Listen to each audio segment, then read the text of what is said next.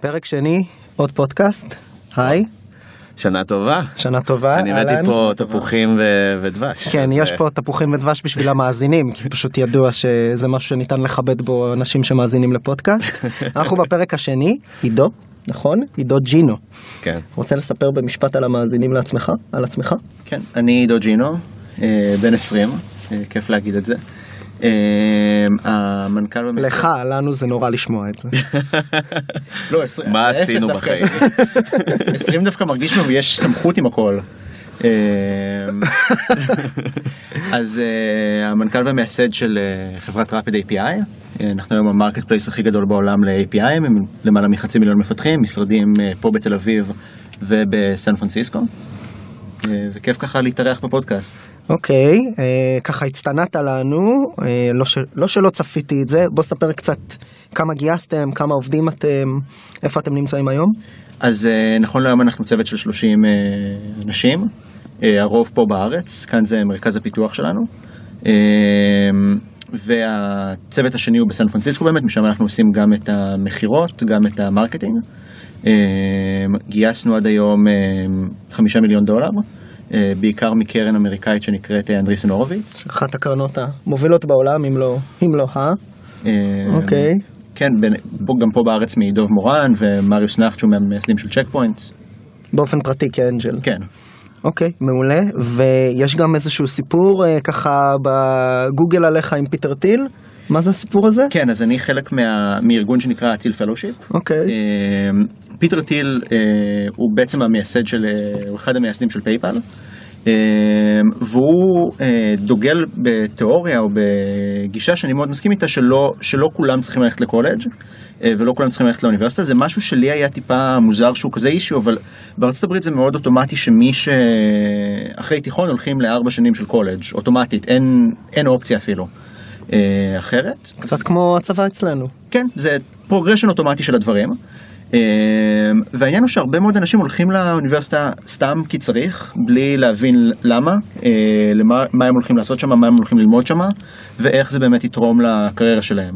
הרבה אפילו לא חושבים על מה הם רוצים שהקריירה תהיה, פשוט הולכים לקולג' כי זה קולג'. והוא מציע מענק, מענק, זה מענק, לא השקעה. כן. לא, לא, זה מענק אישי. של שלא 100 השקעה של 100 אלף דולר? אכן, בשביל שבמקום ללכת אה, לקולג' לארבע שנים, תקים חברה.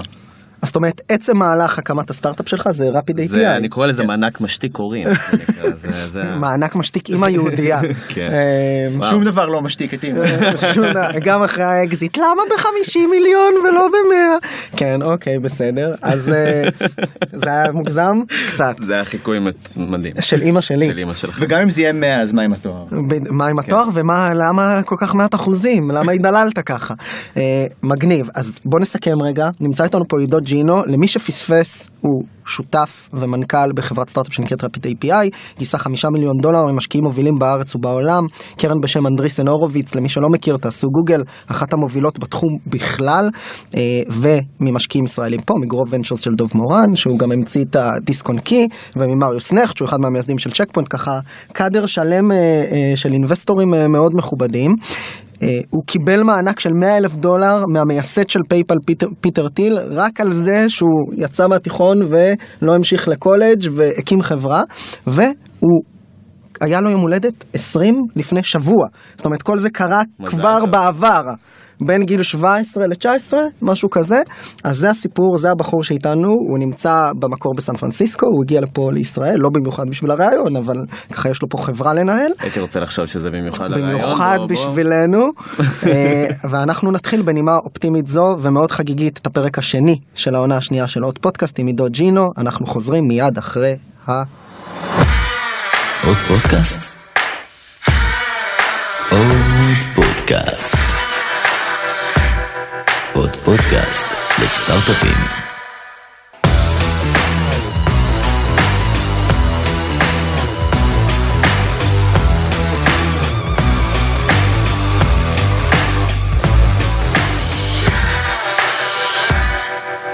חזרנו, חזרנו, עידו, אהלן. אהלן, היה מרגש להמתין. איך מגייסים 100 אלף דולר מפיטר טיל? לכל מי שצופה ומתחת לגיל... מגיע- אה, איך מגיעים אליו? איך כן? מה? קודם כל ברמה הכי פרקטית יש את ה... יש להם אתר, אה, אפשר פשוט לחפש בגוגל את ה Thiel Fellowship. אה, הם תמיד אוהבים, יש גם summit שמארגנים אה, פעם בשנה. והם תמיד אוהבים להזמין חבר'ה מוכשרים לשם, אה, להכיר ולדבר על המיזמים שלהם. אז אני ממליץ בחום לכל מי ששוקל ככה, במקום ללכת לאוניברסיטה, לנסות איזשהו מסלול אלטרנטיבי. אה, זה באמת דרך, מסוים, אה, דרך מצוינת להיכנס לעולם הזה. זה תקף גם לאנשים שהם לא אמריקאים? גם ישראל, יזמים ישראלים פה יכולים לעשות את זה? כן, ואני חושב שאפילו בכמה מחזורים האחרונים אה, יש יותר ויותר אנשים שהם לא אמריקאים.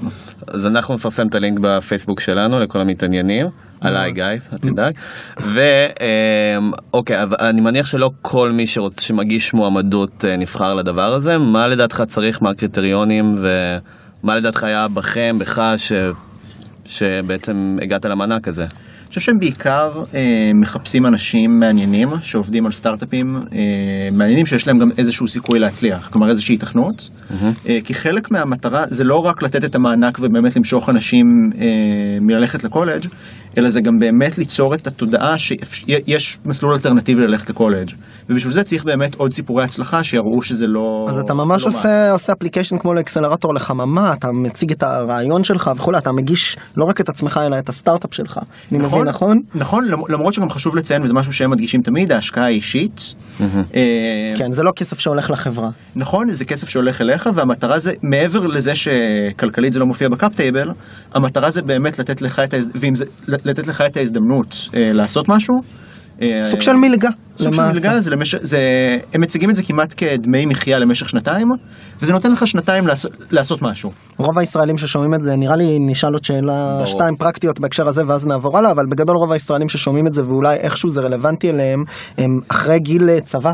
כנראה. כן. זה משנה? יש פה איזושהי מגבלה? יש פה איזשהו קריטריון? או שבכל שלב שבו אתה מחליט לא ללכת למסלול האקדמי זה מענק שיכול להיות רלוונטי למיטב ידיעתך? אז המגבלה בהתחלה הייתה עד גיל 20, הם העלו את זה לגיל 23, mm-hmm. מה שאומר שלרוב האנשים עם ה...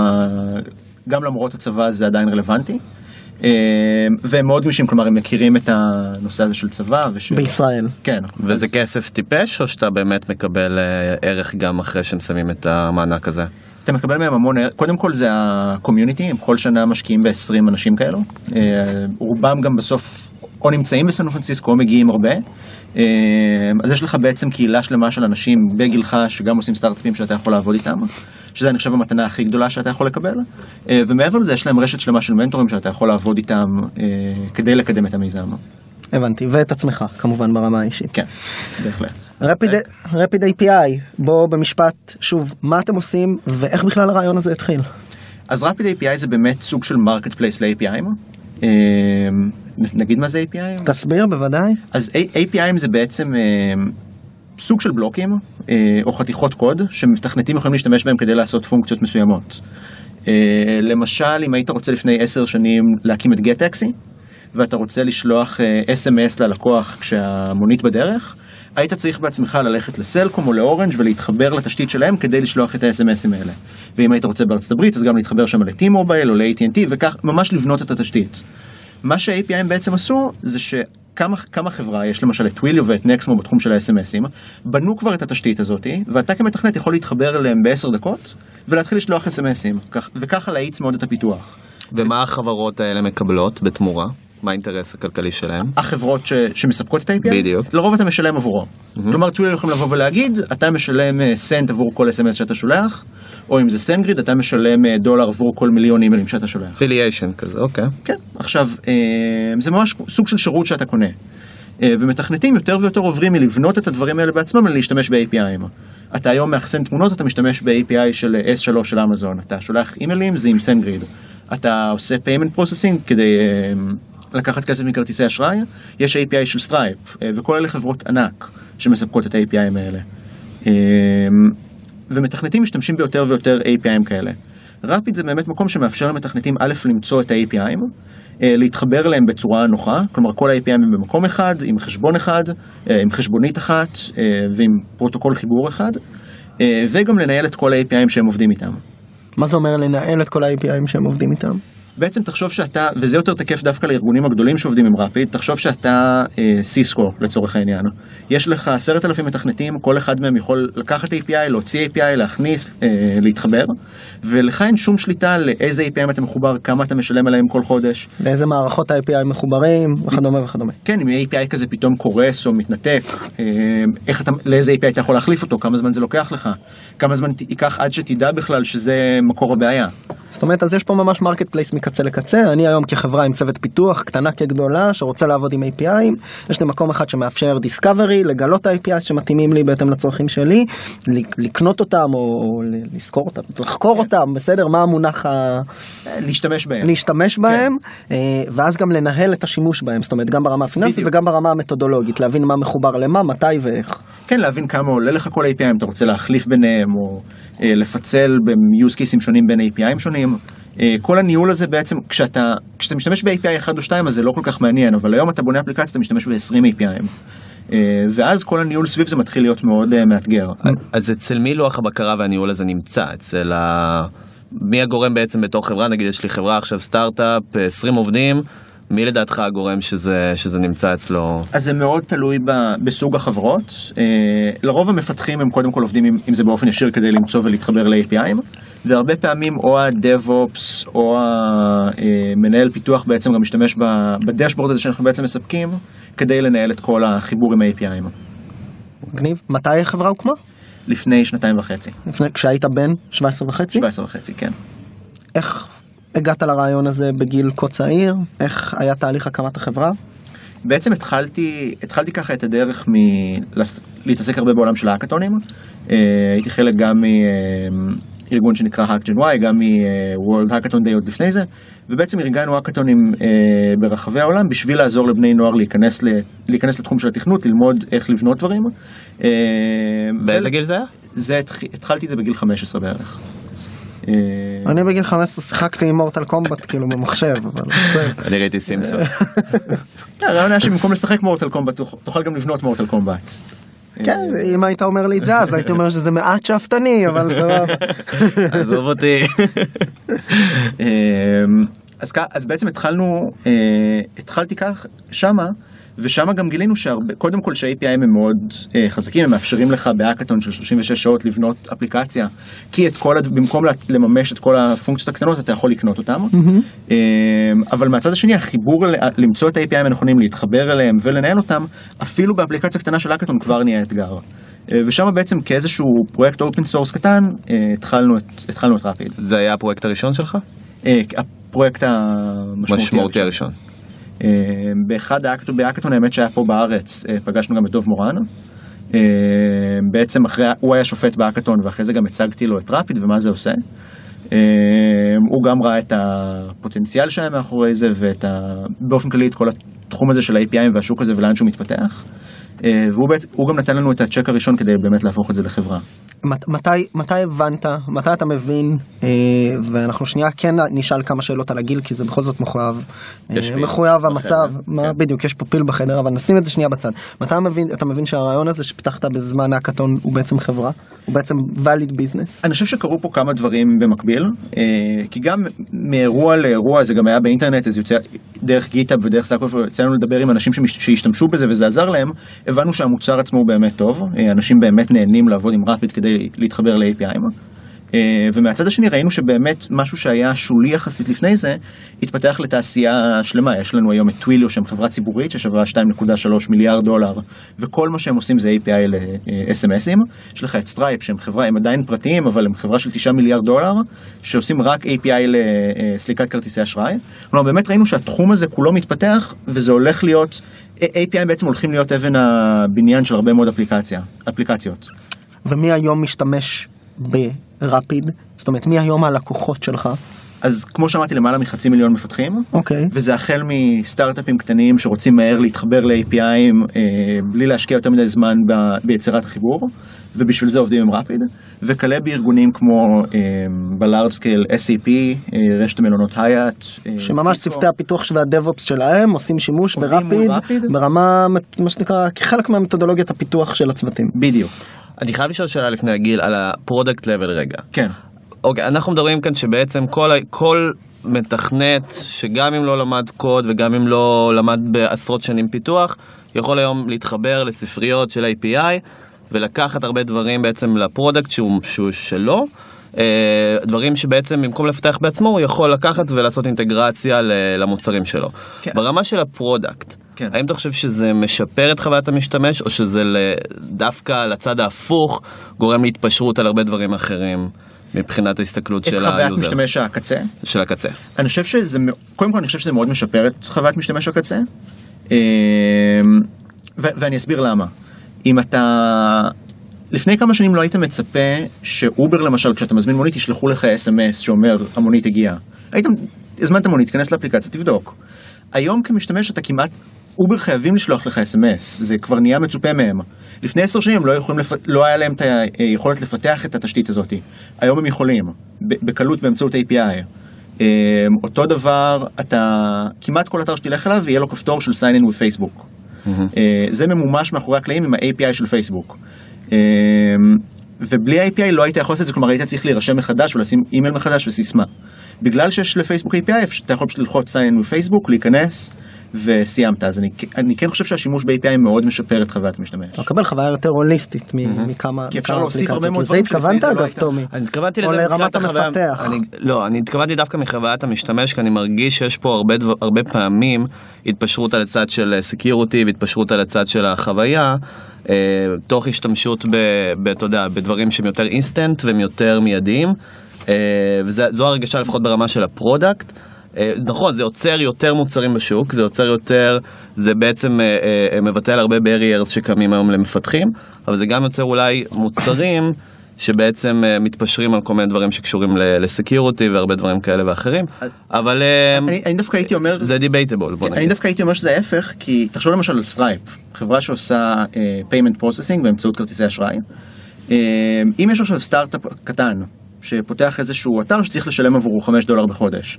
לפני Stripe ולפני שהיה להם את ה-API, הם היו צריכים בשרתים שלהם להחזיק את כרטיסי אשראי, הם היו צריכים לדבר ישירות מול הבנק, ואתה בעצם סומך על החברה הקטנטנה הזאת עם השלושה מפתחים, שיהיה להם את המידע לכרטיס אשראי שלך. היום לפחות הם משתמשים ב Stripe. ש Stripe זה חברה שיש לה מאות מפתחים שעובדים על ה security ועל ה... היום כל אחד עושה את ה expertise שלו בעצם. בדיוק, יש לך חברה אחת שמתעסקת בכרטיסי אשראי, ווואלה הם נהיו מומחים בזה. הם הכי טובים בזה בעולם. אותו דבר, Twilio שמקבלים את המספר טלפון שלך כדי לשלוח SMS, הם הכי, כל מה שהם עושים בחיים, בשביל זה הם קמים בבוקר כדי להתעסק בשליחת ה SMS, ולדאוג שהם ישלחו את זה בצורה הכי איכותית שיש. אותו דבר סנגריד עם האימיילים. אה, כל מה שהם עושים, יש להם מאות ואלפי מפתחים שרק מתעסקים בלשלוח לך אימייל בצורה הכי מהירה וטובה שיש. וזה לא כבר נופל למפתח אחד שהיה צריך גם להתעסק ב-SMS וגם באימיילים וגם בעיבוד תשלומים. בוא נתקדם רגע. השתכנעתי. השתכנעת? השתכנעתי. אוקיי, מעולה. אז אפשר להתקדם. אפשר להתקדם. אה, אם טומי לא משתכנע, היינו 20 דקות מדברים על זה. דיברת על הצ'ק הראשון מדוב מורן. כן. בוא נדבר על הגיוס רגע. אה, אתה בחור אז לא מנוסה מדי בהקמת סטארט-אפים, גייסת מדוב מורן, ספר שנייה קצת על ה trajectory של הגיוס, כמה גייסתם וממי. אה, אז אנחנו גייסנו חצי מיליון דולר. אה, דוב מורן היה הראשון שנכנס, ביחד איתו נכנסו אה, מריוס נכט, אה, שכמו שאמרת היה ממקימי צ'ק פוינט. נכון. נכנס גם אריה מרגי, שהיה שותף של דוב וגם ממקימי M-Systems. נכון, גם היום אנג'ל פרטי אה, היום מוכר. אנג'ל פרטי ומשקיע בעוד הרבה מאוד חברות מעניינות. נכון. אה, ושלושתם בעצם נתנו לנו את הכסף הראשוני לה- להפוך את רפיד מאיזשהו מוצר קטן, אופן סורסי שנמצא ברשת לחברה. All in all הם נתנו חצי מיליון דולר יחד? כן, ביחד. אוקיי. אה, ועם זה באמת התחלנו להפוך את רפיד לחברה אמיתית ולמוצר אה, אמיתי שיכולים להשתמש בו גם חברות גדולות. אוקיי, ואז הגיוס הבא הגיע מ... אה, מאנדריסן הורוביץ. אוקיי, יש פה, עכשיו בוא נשב על זה רגע, בסדר? כמו על ספת הפסיכולוג. אוקיי. מדובר היום, בוא, בוא, זה לא קשור אליך, מדובר באחת הקרנות המובילות בעולם. אוקיי. איך מגיוס מאנשים מאוד מכובדים ששמם הולך לפניהם בארץ, יש הרבה אנשים אבל שמגייסים מהם גם פה, הגעת למפתן הדלת של אחת מהקרנות המובילות בעולם בסיליקון וואלי.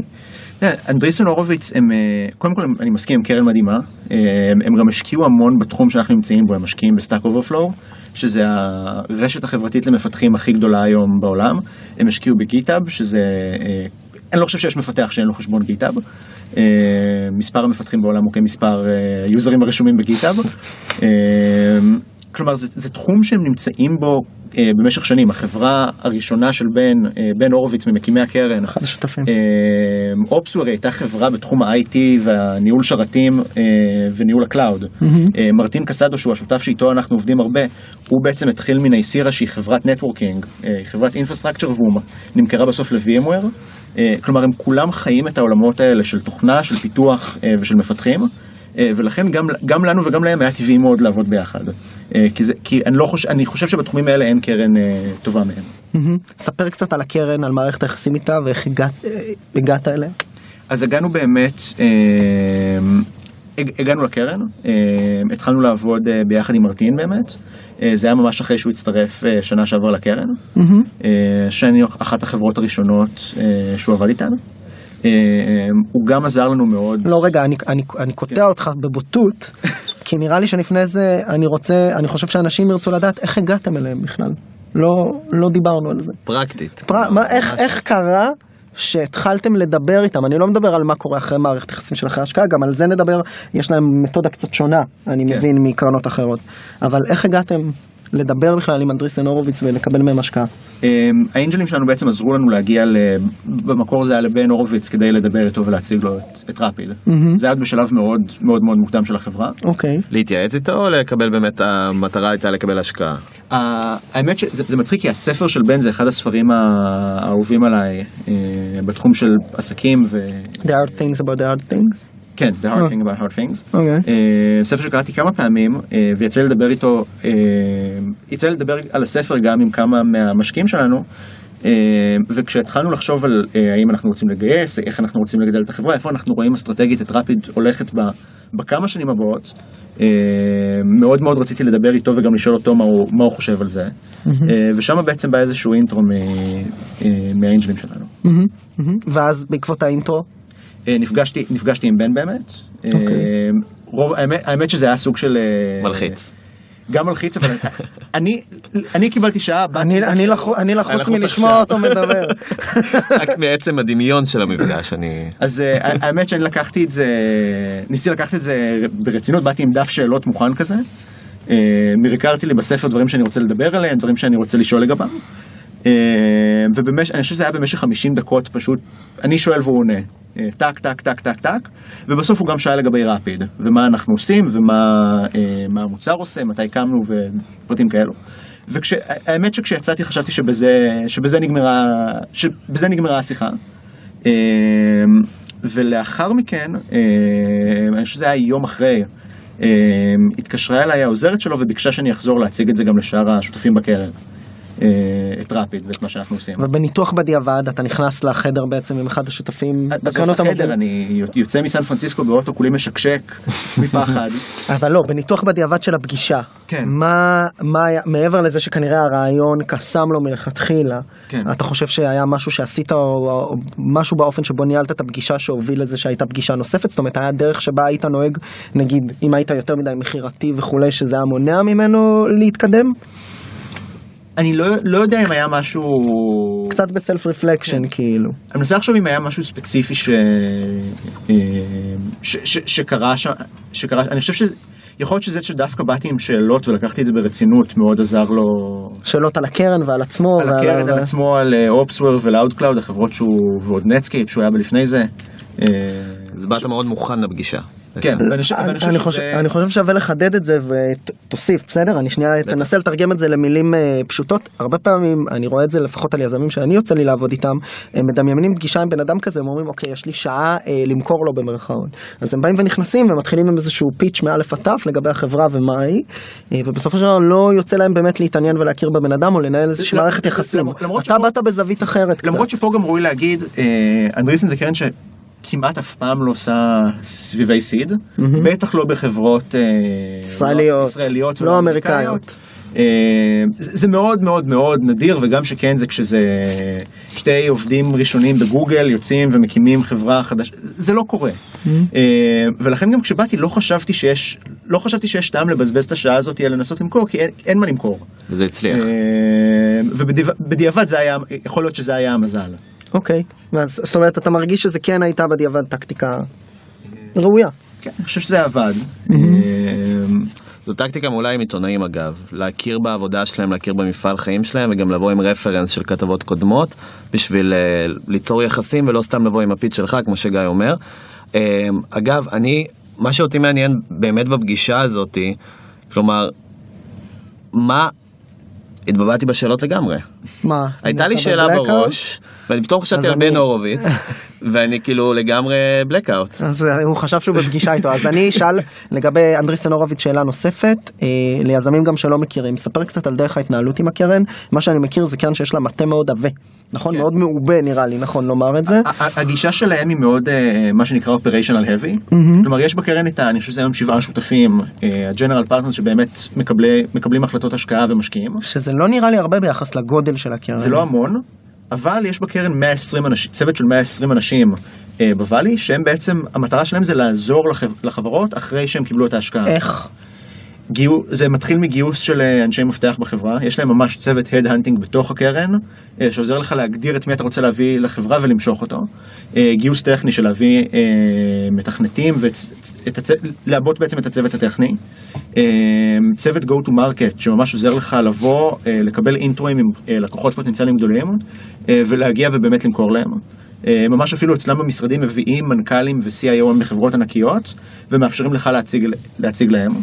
אה, זאת אומרת ממש business development, marketing, HR, וזה אנשים שהם ב payroll של אנדריסן. כן, זה אנשים שהם לא עולים לנו כלום, אה, ומהצד השני מרגישים כמו extension של הצוות שלנו, כי ממש תפקידם זה לעבוד איתך ועם חברות הפורטפוליו. לגמרי. ומנגד מה הם דורשים לראות? כלומר KPIs והם ב board, כלומר מה, מה אתה מרגיש שמנגד הדבר הזה? אז מרטין באמת ב board שלנו, אה, אנחנו, תראה, יש KPI, הגדרנו גם, אחרי שגם עשינו את הסיד, הגדרנו לאן, איפה אנחנו רוצים להיות עוד שנה, איפה אנחנו רוצים להיות עוד שנתיים, אה, לאן אנחנו רוצים את החברה להתפתח, מה ה-threshold ומה, אם אנחנו רוצים גם לגייס A ולגדל משם את החברה, לאן אנחנו צריכים להגיע כדי שזה יקרה. אה, אז הם כן, הם מאוד מתודיים גם מהבחינה הזאת. איך, איך אתה, אוקיי, זה קשור גם לניהול פגישות בורד וגם בכלל, איך אתה כמנכ"ל באמת רואה את אה, רפיד קדימה? תראה, אני חושב שאם אנחנו מסתכלים אה, על התחום הזה או על השוק של ה-APIים, מצד אחד יש עוד ועוד מפתחים אה, שמפתחים עוד ועוד אפליקציות כל הזמן, כלומר יש יותר אה, demand ל-APIים, ומהצד השני, זה בא לידי ביטוי גם בטראפיק באתר ובלקוחות? גם בטראפיק באתר, גם בכמה, היום אנחנו מעבירים דרך רפיד מאות מיליארדי בקשות API כל חודש. מאות אנחנו- מיליארדי. מאות מיליארדי, אנחנו בסקאלה של עשרות עד מאות אלפי בקשות API בשנייה. אוקיי. שעוברים דרך רפיד, וזה רק, וזה רק גדל. אה, אז מצד אחד יש יותר מפתחים שרוצים ודורשים API'ים, גם, ב, אה, גם בחברות קטנות, אבל גם הרבה יותר בארגונים גדולים, וארגונים שפעם לא היו מוכנים לחשוב אפילו על לעבוד עם API שנמצא בענן שהם לא שולטים בו, אה, היום מברכים את זה. אה, אז יש יותר demand ל-API, ומהצד השני יש הרבה יותר supply של API'ים. אה, יש היום למעלה מ-25 אלף API'ים שזמינים ציבורית. אצלכם או בכלל? באופן כללי. אוקיי. אה, לנו יש טיפה יותר משמונת אלפים. יפה. שזה לא, לא נתח נורא גרוע, אה, וגם זה גדל בכמעט 30 אחוז אה, כל שנה. אה, כשאתה רואה גם API'ים יותר ויותר ויותר ספציפיים, כלומר אם פעם היה לך facial detection כ-API, אתה שולח לו תמונה, מקבל איפה הפרצוף, היום יש לך API'ים שיודעים להגיד לך אם הפרצוף הוא מתרכז במה שאתה אומר או לא, ובין כמה הבן אדם ומאיזה מוצא הוא, ואם זה גבר או אישה, כלומר יודעים לתת לך, יש הרבה מאוד הכל API'ים יותר מדויק. שיודעים לתת הרבה מאוד אה, סוגים שונים של מידע. עכשיו, אתם לצורך העניין, מי- ממה אתם עושים כסף? לא שאלנו את זה. אנחנו, אז הרעיון הוא אתם רווחיים? אנחנו אם לא, מותר לך להתייחס לזה בכלל. אנחנו עוד לא רווחיים, אוקיי. אה, בעיקר כי אנחנו משקיעים גם המון בפיתוח, מהמם. אה, יש לנו פה צוות גדול בארץ שמשקיע בלפתח את המוצר, אה, גם צוות בארצות הברית שעוזר בלהביא באמת עוד לקוחות ועוד משתמשים לחברה, אה, אז אנחנו גודלים מאוד מהר, מה גודל הצוות? אנחנו היום אה, 30 אנשים, 30 אנשים כמה בישראל? 20, ועשרה, 20 בישראל, עשרה בארצות הברית. קלטת את המתמטיקה פה שלי? אה, אז פה אגב- חשוב לציין שאנחנו גם מגייסים תומי הוא אלוף ישראל בחישובים מהירים אריתמטיים. אמרת אה, 30, אחרי כן. זה 20, אני של הבנתי שזה של 10. משוואות מאוד פשוטות. כן. לא, אז תפרגן לו, גיא. 30 אנשים, כן. איך מנהלים אופרציה כזאת? אה, גם פה בישראל, גם בס- בסן פרנסיסקו, איך, איך, סן פרנסיסקו, אמרתי. זה- אוקיי. סן פרנסיסקו. אה, איך מנהלים? יש לנו טריק אגב זה שאומרים אה, כשמדברים בעברית קליפורניה ואז אה, כן. כמו גיא בורחים ללוס אנג'לס בכלל. בדיוק. אה, תראה, יש לנו צוות מאוד מוכשר היום בתוך רפיד. אה, בארצות הברית יש לנו את אה, סרי שהוא מנהל המוצר של רפיד. אה, פה יש לנו את אה, אנדרי שהוא ה-CTO שלנו ומיקי שהוא ה-VP of Engineering. אה, וביחד באמת הצלחנו, זה אנשים שבאים עם הרבה יותר ניסיון, גם ניהולי וגם מקצועי, וככה ביחד הצלחנו לגדל את החברה למה שהיא היום. אה, ולאופרציה שהיא... ובכל זאת, אני יודע, לא, לא הגעתם הרבה ניסיון בניהול לפני זה, לפני החברה הזאת, זה גם החברה הראשונה שלך, זה גם שאלה שאנחנו שואלים הרבה יזמים בתחילת דרכם. מאיפה אתה לוקח את הידע והניסיון בשביל באמת לנהל חברה כזאת? מדובר באנשים, מדובר ב- באופרציה מאוד מורכבת. תראה, קודם כל מתייעץ הרבה גם עם המשקיעים, ש... כל. אני חושב שאחד הדברים שאנחנו באמת מבורכים איתו ברפיד זה שכל המשקיעים שלנו ניהלו חברות לפני. אה, רובם גם חברות אה, יחסית מוצלחות, אם זה מריוס בצ'ק פוינט, אם זה דוב מורן ואריה ב-M Systems, אה, אם זה מרטין בנייסירה שגם אה, נמכרה בלמעלה ממיליארד דולר ל-VMware, הם כולם אנשים עם הרבה ניסיון אופרטיבי וניהולי, אה, ואנחנו משתמש... מנסים כל הזמן להשתמש בניסיון שלהם וללמוד מהם. אה, אבל מעבר לזה אני חושב שהטריק או הטקטיקה זה באמת להביא אנשים שכן ניהלו חברות לפני או כן ניהלו צוותים לכל הפחות, אה, שיודעים לעשות scaling אה, לחברה. אנשים. תחתיך. אנשים שאנחנו עובדים איתם ביחד, כן. אוקיי, שעובדים איתם ביחד זה ביטוי אמריקאי לעילא. תגיד, תגיד, ועכשיו נשאל את השאלה הזו. הגיל, אתה לא מרגיש שהוא מהווה חסם? גם אם לא פנימי, חיצוני? אנשים מסתכלים אחרת, מגיבים אחרת? בניהול, אתה מנהל בורד היום של משקיעים מהמובילים בארץ ובעולם, אתה עובד מול לקוחות, אתה מנהל צוות, אתה, יש לך גם כנראה אתגרי הנהגה, כמו לכל מנכ"ל. איך זה בא לידי ביטוי, אם בכלל? י- יש סיטואציות שבהן זה בא לידי ביטוי, אבל אני חושב שהבחירה שלנו, הבחירה שאנחנו עשינו גם בסוף היום, זה לעבוד עם אנשים שבאים לרפיד, אם זה לבורד, או אם זה להשקיע, או אם זה לעבוד אה, בתוך החברה. באים לרפיד כי הם אוהבים את המוצר שאנחנו עושים, הם מאמינים אה, בלאן שהשוק הולך ולאן שהשוק צומח. אה, וכי הם, הם, הם באמת נהנים לעבוד איתנו על רפיד ומאמינים בתוצאות שהבאנו עד כה. אה, ולכן הגיל זה לא, זה לא מעניין. אתם מתכננים, אה, מה, אוקיי, אתם מתכננים אה, גיוס נוסף בקרוב? מותר לדבר על זה? המשך יבוא. המשך יבוא, no comment. אה, דיברנו על... שומר פה על זכות השתיקה. סבבה, בהקשר הזה דיברנו על המודל העסקי, אה, ולא השלמנו לדעתי את הקטע, מה, איך אתם היום עושים כסף? אז אנחנו בעצם, אה, כשמפתח משתמש ב Rapid הוא קונה את ה-API דרכנו, מבחינת זה אנחנו כמו סוג של marketplace, ויודעים לקחת איזשהו fee מה- מה provider על- על השימוש ועל ה billing שאנחנו. עבור נגיד צוותי פיתוח וזה סוג של SaaS כאילו, אתה בסוף כאילו... אה, צוותי הפיתוח לא רואים אותנו כעלות נוספת, כלומר אתה קונה את ה-API דרכנו באותו מחיר שהיית קונה אותו. הבנתי, אז אתם פשוט אה, revenue share עם המפתחים. בדיוק. אה, ומבחינתנו זה גם, זה גם גישה שאנחנו מאוד אוהבים, כי זה אומר שכשיש API בפלטפורמה, אנחנו רוצים לדחוף אותו, אנחנו רוצים לעזור לו להצליח. אה, גם מאפשר לכם מצליח, לקדם. לקדם גם את ה-API הטובים בדיוק. ביותר וכולי, זה זהות אינטרסים עם, עם המפתחים של ה-APIs. אנחנו נמצאים לקראת סיום, אני רוצה באמת שתדבר ליזמים, למאזינים שלנו, יזמים בתחילת דרכם, חלקם בגיל שלך גם, ותיתן להם איזה מין אה, טיפ, גם מהניסיון שלך, אה, איך, איך לעשות את זה, איך באמת, אתה יודע, חלקם נמצאים בבתי ספר, חלקם נמצאים בצבא כרגע, אה, חושבים גם על ה... מה עושים אחרי זה, אם זה אוניברסיטה, אם זה, ונמצאים באמת ב, ב, במכשול הזה, או ב, במבוך העכברים הזה, מה אתה רוצה להגיד להם באמת, שהם שאתה, שאתה היית ב- במקום הזה. תראה, אז אני, אז אני אגיד שתי דברים. Uh, הראשון זה, אם דווקא התחלת מהצד של הגיל, uh, אני חושב שגיל זה, uh, זה, זה, מחס, זה, זה משהו שנראה להרבה אנשים כמחסום ואין סיבה שהוא יהיה, שהוא יהיה כזה. Uh, באחד האקטים הסלוגן על החולצה שלנו היה age is only an int. אה, כלומר זה רק, זה רק מספר, אין לזה, אני לא חושב ש... אם לא מייחסים לזה משמעות, אני לא חושב שיש לזה משמעות. אה, זה אומר שאפשר להקים חברה בגיל 16, אפשר גם, אני מכיר ויש לי חבר מאוד טוב בסן פרנסיסקו שהוא יזם בן 60, אה, שהקים עכשיו חברה בתחום הרפואי. אה, ואני לא חושב שבשתי הקצוות אני לא חושב שזה מהווה יותר מדי אתגר אם לא נותנים לזה להיות אתגר. אה, וה... ומהצד השני של ה... איך, אמר, אם קראת לזה בתוך המבוך, אה, איך באמת מגיעים ל... להקים חברה או. להיות יזמים, אני חושב שהדבר שבאמת צריך לעשות ולא, זה, זה נשמע נורא טריוויאלי שאומרים את זה, אבל לא הרבה אנשים מגיעים לשם. אה, זה לשבת, אה, באמת, פעם, אם זה פעם בחודש או פעם בחודשיים, או אם עכשיו יש לנו שנה חדשה, אז אה, לנצל את זה, וגם ככה אין יותר מדי חורף פה, אז לרדת גם לים. אה, לשבת ולחשוב מה, מה, איפה אני רוצה להיות עוד שנה, איפה אני רוצה להיות עוד חודש, לאן אני רוצה להגיע.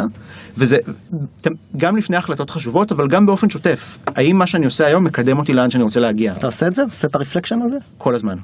איפה? טיסות- מה המקום האהוב עליך? טיסות ארוכות. טיסות ארוכות, איזה תשובה של מנכ"ל.